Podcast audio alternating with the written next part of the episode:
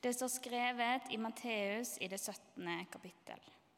Seks dager senere tok Jesus med seg Peter, Jakob og hans bror Johannes og førte dem opp på et høyt fjell hvor de var alene. Da ble han forvandlet for øynene på dem. Ansiktet hans skinte som solen, og klærne ble hvite som lyset. Og se, Moses og Elia viste seg for dem og snakket med ham. Da tok Peter til orde og sa til Jesus.: Herre, det er godt at vi er her. Om du vil, skal jeg bygge tre hytter. En til deg, en til Moses og en til Elia. Mens han ennå talte, kom en lysende sky og skygget over dem, og en røst lød fra skyen. Dette er min sønn, den elskede. I ham har jeg min glede. Hør ham. Da disiplene hørte det, kastet de seg ned med ansiktet mot jorden, grepet av stor frykt. Men Jesus gikk bort og rørte ved dem og sa, Reis dere og vær ikke redde. Og da de løftet blikket, så de ingen andre enn ham, bare Jesus. På veien ned fra fjellet ga Jesus dem dette påbudet. Fortell ikke noen om dette synet før menneskesønnen har stått opp fra de døde. Slik lyder det hellige evangelium vi som bor her i Bergen, hva gjør vi når vi skal gå på tur? Vi finner oss et fjell. Sant? Vi skal opp, vi skal se på utsikten, vi skal få oversikten. Vi driver ikke og luller rundt. Vi går opp på fjellet. Når jeg bodde i Oslo, så måtte jeg gå tur i Marka da oppdaget jeg at du kommer jo ikke fram noe sted. Du bare Hvor skal vi? Skal vi bare spise lunsjen her uten utsikt? Det var veldig rart. Jeg lærte jo selvfølgelig å sette pris på det etter hvert. Men det er noe spesielt med topper. Fortellingen som vi hørte i dag, er det beviset på at Jesus var en slags vestlending. De skulle opp på fjellet. Jeg vet ikke om dere har tenkt over det, men i Bibelen så skjer ofte viktige ting oppe på et fjell. Og for folk som selvfølgelig aldri har vært oppe i en kjempehøy bygning, aldri sett et eh, foto tatt ovenifra eller vært i et fly, så er fjellet det høyeste man kommer. Der man får utsyn og oversikt. Og I den tradisjonen som Jesus og disiplene tilhørte, så var fjellet et sted der Gud mange ganger hadde åpenbart seg for folk. Et sted der man var litt nærmere. Bare tenk på Babels tårn. De prøvde å bygge seg opp i himmelen. Eller på Moses, som fikk loven på fjellet. Fjellet det var et sted der hellige ting kunne skje. Så når Jesus tar med seg de tre viktigste disiplene og går mot fjellet, så fikk de kanskje forventninger. Kanskje lurte de på der det gikk varme og svette. Om det skulle skje noe spesielt der oppe. Noe som var bare for de. Som ingen andre fikk være med på. Og det gjør det. Dette går jo fra å være en vanlig tur til å bli noe som var både voldsomt og helt uvanlig, som vi hørte. Det er lys, det stemmer, og de ser de store religiøse heltene Moses og Elia. På den tiden så visste alle at den kjente skikkelsen Elia han skulle komme tilbake. Og han måtte komme før Guds rike kunne bryte inn i verden. Og det ventet de på. Så Moses og Elia var altså plutselig der.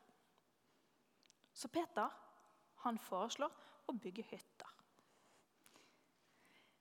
Det er blitt omtalt som litt rart sagt. Men kanskje er det ikke så veldig rart det Peter sier. Kanskje han trodde at nå, akkurat nå, var Guds rike brutt fram på jorden.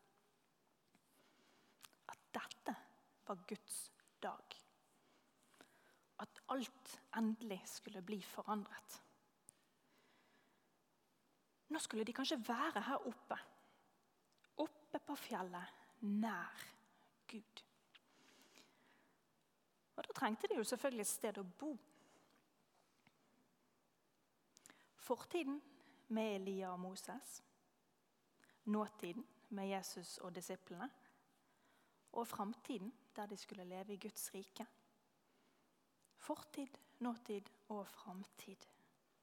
Det blir liksom knyttet sammen i ett stort og helt ubegripelig øyeblikk. Det var ikke rart han ble litt tommelumsk.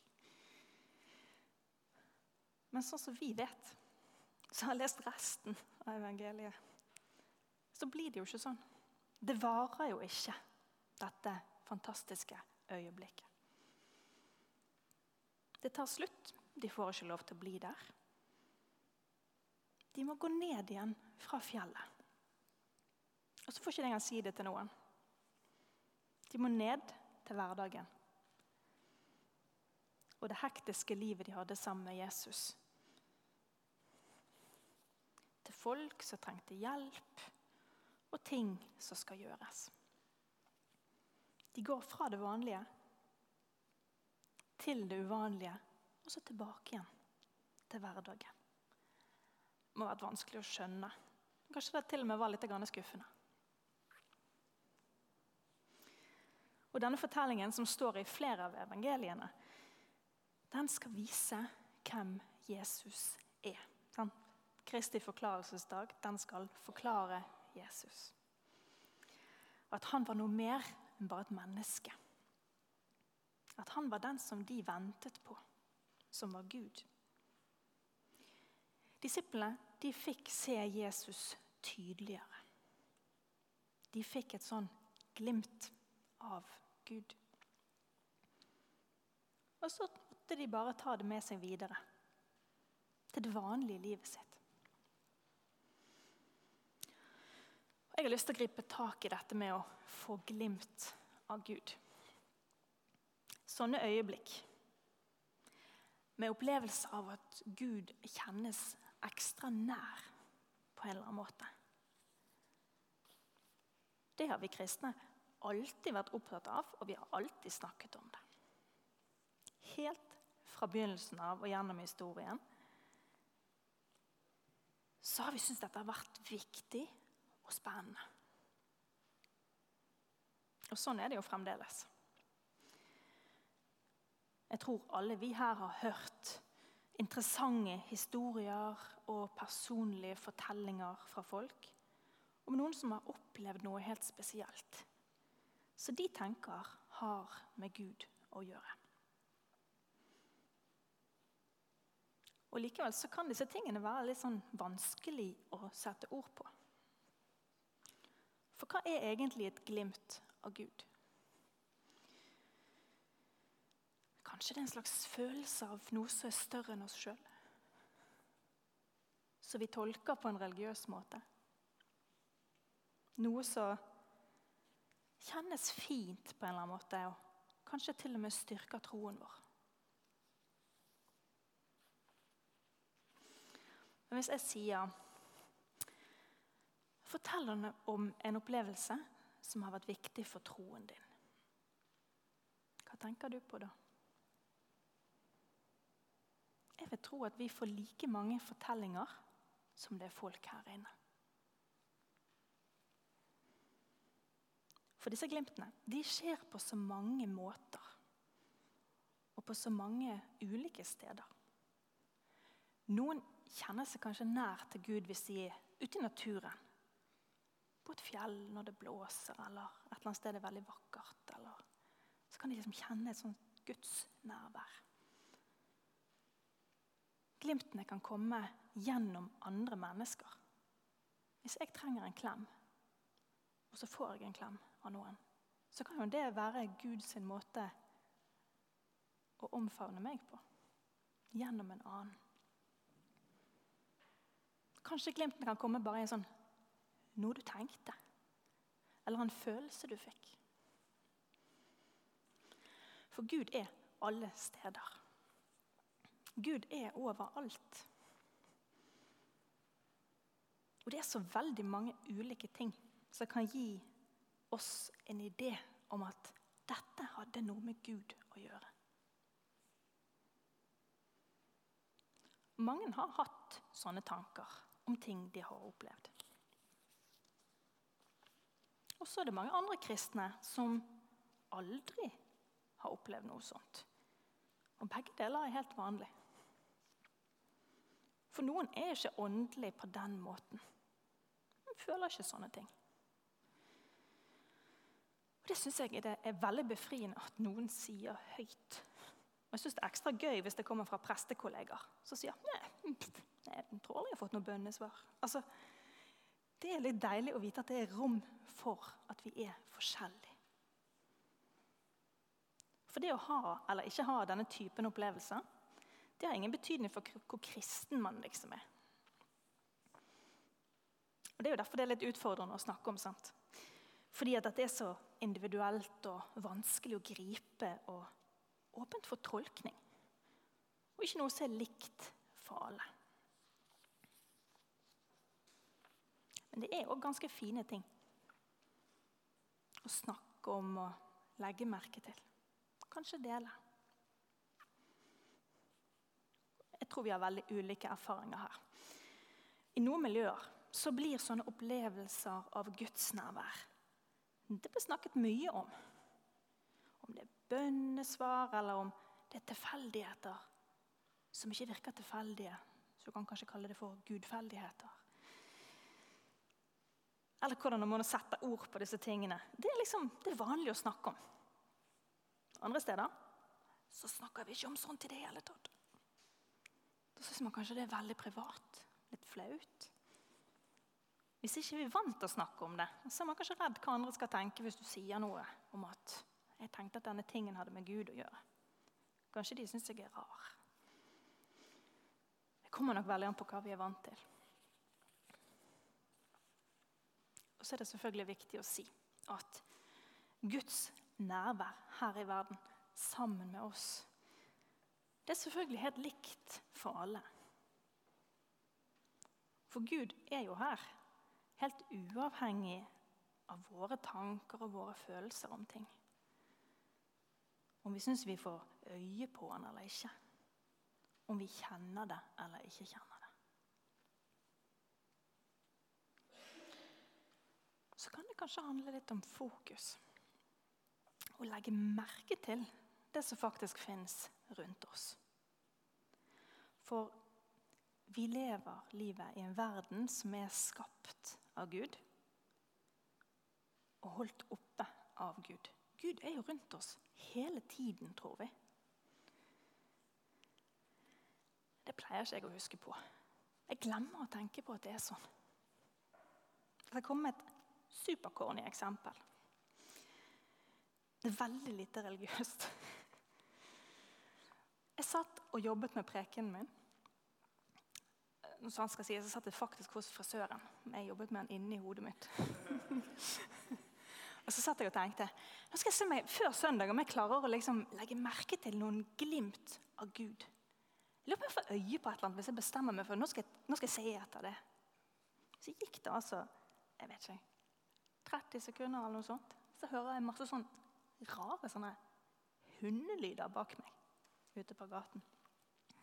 Så snur jeg meg, og der står det en dalmatinerhund i gul regnfrakk. Det, det, var en gøy hund. Det har ikke noe med Jesus å gjøre, men eh, jeg ble veldig glad. Jeg ble liksom i godt humør av å se denne rare hunden. Og så tenkte jeg du har ganske gøy humor.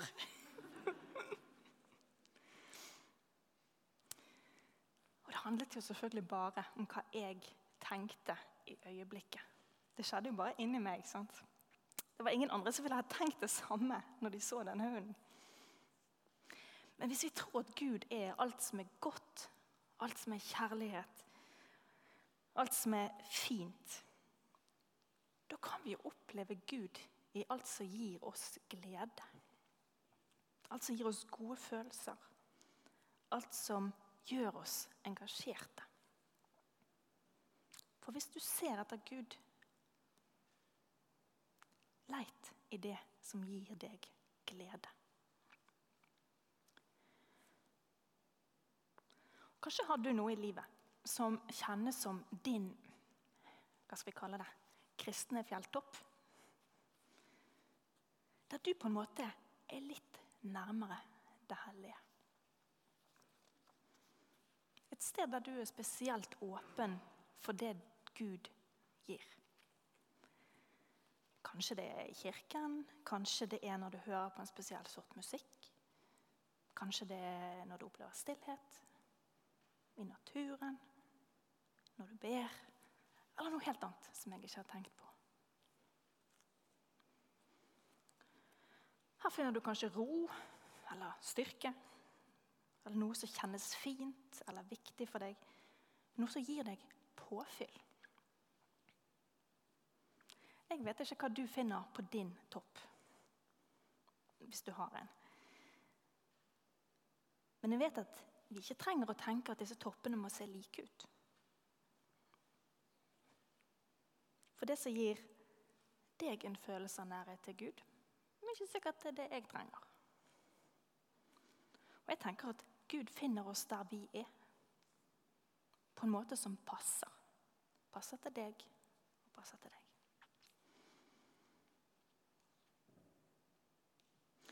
Og det du finner når du oppsøker dine plasser, og jeg når jeg oppsøker mine plasser, det tar vi med oss videre. Inn i hverdagen. Inn i møter med de menneskene vi treffer, og de tingene som skal gjøres. Disiplene på fjellet de skjønte jo etter hvert at øye, øyeblikket der oppe, dette hellige øyeblikket, det var ikke bare for de tre utvalgte. Og mine øyeblikk, når Gud kjennes ekstra nær, er kanskje heller ikke bare til glede for meg. Disiplene sitt øyeblikk det skulle bli til noe mer. Det skulle bli til noe som skulle bli større og mer annerledes enn de hadde evnen til å forestille seg når det skjedde. Noe for alle ikke bare for de få utvalgte. Og det kan dine og mine øyeblikk være òg. Del av noe som er større enn bare deg og meg. Peter, Jakob og Johannes de fikk se noe helt konkret. For at de skulle forstå at Jesus var noe mer enn bare et vanlig menneske. En som på en ny måte skulle knytte det vanlige menneskelivet og det hellige sammen. Vi får ikke se Jesus på den måten. Han er liksom ikke sånn synlig akkurat her. Det er ikke like konkret som der på fjellet i Midtøsten. Men vi har noe, vi òg. Noe som er synlig, og som er for alle. Helt uavhengig av hva vi føler den dagen. Det vi kan se, det er det som skjer her i kirken og i alle andre kirker til alle tider. Det er fellesskapet i nattverden. Det er fellesskapet det knytter de som har levd før oss, og oss, og de som kommer etter oss, sammen. Fortiden, nåtiden og framtiden. Og nattverden den knytter også oss og det hellige sammen. Det er helt synlig. Og samtidig så er det større enn vi klarer å forstå. dette ene ubegripelige øyeblikket. Der Jesus er synlig, og vi kan se og smake og høre at vi er en del av noe som er større enn oss sjøl.